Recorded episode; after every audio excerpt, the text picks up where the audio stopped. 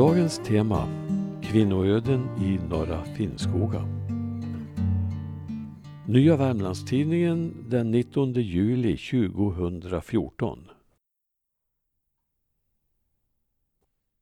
För 20 år sedan firade Norra Finnskoga hembygdsförening 20-årsjubileum och detta högtidlighölls på sommarfesten vid Halvarstugan i Bosta.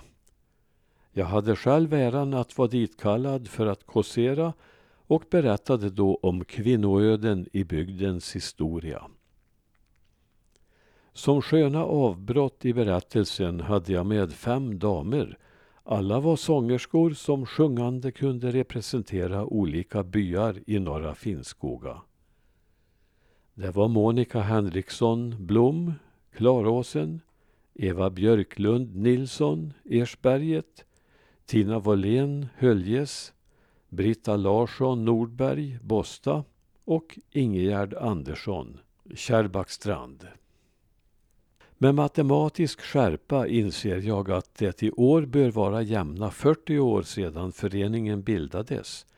Och med anledning av detta presenterar jag här ett sammandrag av mitt kåseri.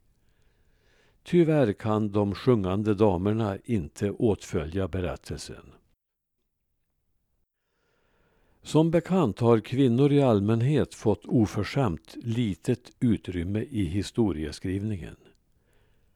Deras insatser var många gånger väl så stora som männens men de var inte av den arten att de hamnade i historieböckerna.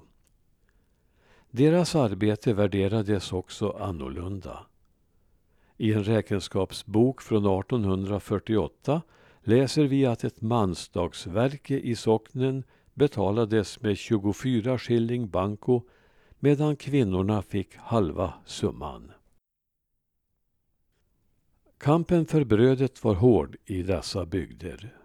Precis som männen arbetsvandrade Norra Finnskogas kvinnor för sin försörjning. Många tog arbete som pigor i Norge. Andra följde med skogsarbetarna som kockor öst i Lanna. En del vandrade till Hälsingland på linarbete och återvände med linknippen på ryggarna. Den äldsta berättelsen om en kvinna i Norra Finnskoga finns i en sägen från digerdödens dagar på 1300-talet. Då skulle bara en enda kvinna ha blivit kvar i hela norra Värmland och närmaste grannfru bodde i Gräs i Sunnemo. Dit for Höljeskvinnan med renskjuts för att bjuda på barnsängsgröt. Hur hon fick kännedom om grannen berättar inte sägnen. I de skriftliga källorna dyker en kvinna upp i skattlängderna först en bit in på 1600-talet. Det är en änka, Marit, som då står skriven för en gård i Höljes. Nära Noppen uppe i norr möter vi ett kvinnoöde från nödåret 1812. En gumma dör av hunger vid Sätern som ironiskt nog kallades paradiset. Det året åt man säljlöv för att döva hungern. Kerstin Persson Andersson föddes 1858 i Noppen. Kort efter bröllopet blev hennes man sängbunden och liggande i 29 år. Kerstin skötte honom och deras torp. Hon bröt sten och röjde små åkertegar, skötte kreaturen, hämtade ved ur skogen. Ja, allt utförde hon på egen hand tills deras son var stor nog att hjälpa till. Vilken kärleksgärning!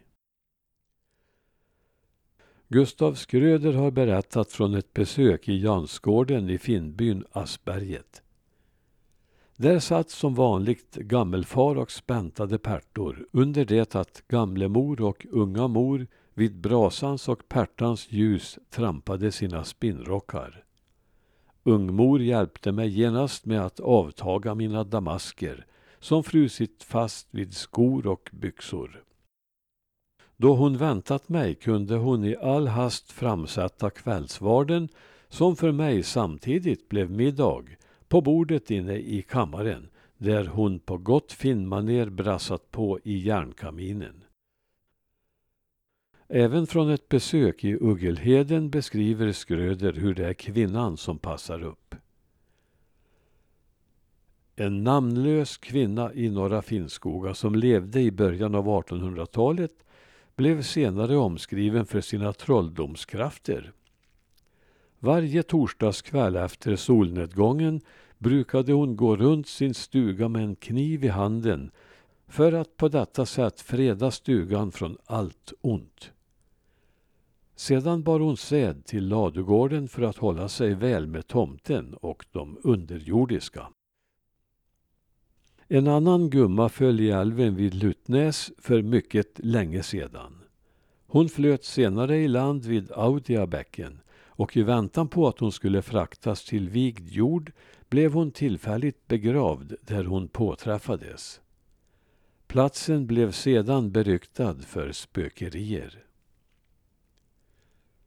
En kvinna i Asperget väckte stor beundran hos byns lärarinna Sanna Johansson som flyttade dit 1916. Det var mor Lisa i Larsgården som av Sanna beskrevs som en drottning över Asperget. Stor och ståtlig var hon med minnen långt tillbaka på 1800-talet. Till skolan i Asperget kom ibland gumman i Östanmyra på besök. Hon hade lite kvar av det finska språket och hon hade en underlig hälsningsramsa som hon rabblade var gång hon kom in i skollokalen. Gudskelöv vi lev, sa Kontus. Det är inte många som är födda än, sa han av Erik Olle. Och nu är de döa båe to. Ja, mer originell hälsning är svårt att tänka sig. Beträffande byn Bosta omnämns kvinnorna där genom att de tidigt, redan i slutet av 1600-talet, gifte sig med män ur finnbefolkningen. Detta var inte vanligt på andra ställen. Även en del unga män i byn hämtade sina kvinnor i Finnskogen. Den första kvinnan i Bosta som omnämns i jordeboken är Gertrud Amundsdotter som stod som gårdsägare runt 1640, troligen på Halvarsgården. Tvätten var för en tung sysselsättning. Vid större tvättar höll man till nere vid älven eller större bäckar och hårdast var det för dem som försörjde sig som tvätterskor. Från vintertvätt i Norra Finnskoga har Rutslätt i Bosta berättat hur dessa kvinnor stod ute på isen och högg en vak för tvätten. De stod så kjolarna frös och stod som en plåt runt om dem, minns hon. Han dessa kvinnor överhuvudtaget att få sina kjolar torra?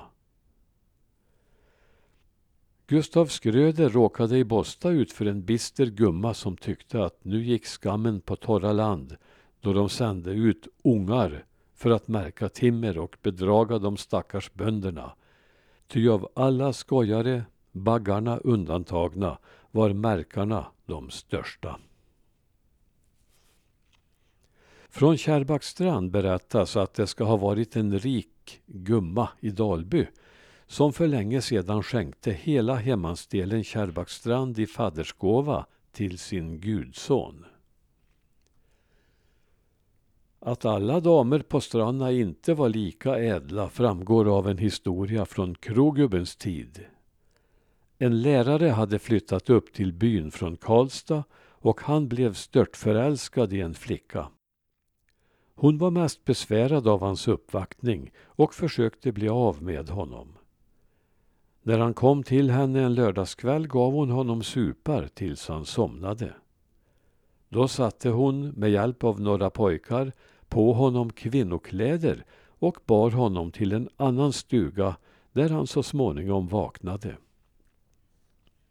Efter denna händelse blev han till åtlöje i byn och bestämde sig för att göra slut på alltihop. Han satte pistolen i munnen och tryckte av. Skottet gick snett och han sköt sönder hakan. Efter detta blev hans utseende vanställt och ironiskt nog såg han ut att gå med ett ständigt leende. Vilket fruntimmer att ställa till det. Med dessa tillbakablickar till dåtid önskar jag Norra Finnskoga hembygdsförening lycka och välgång i framtiden.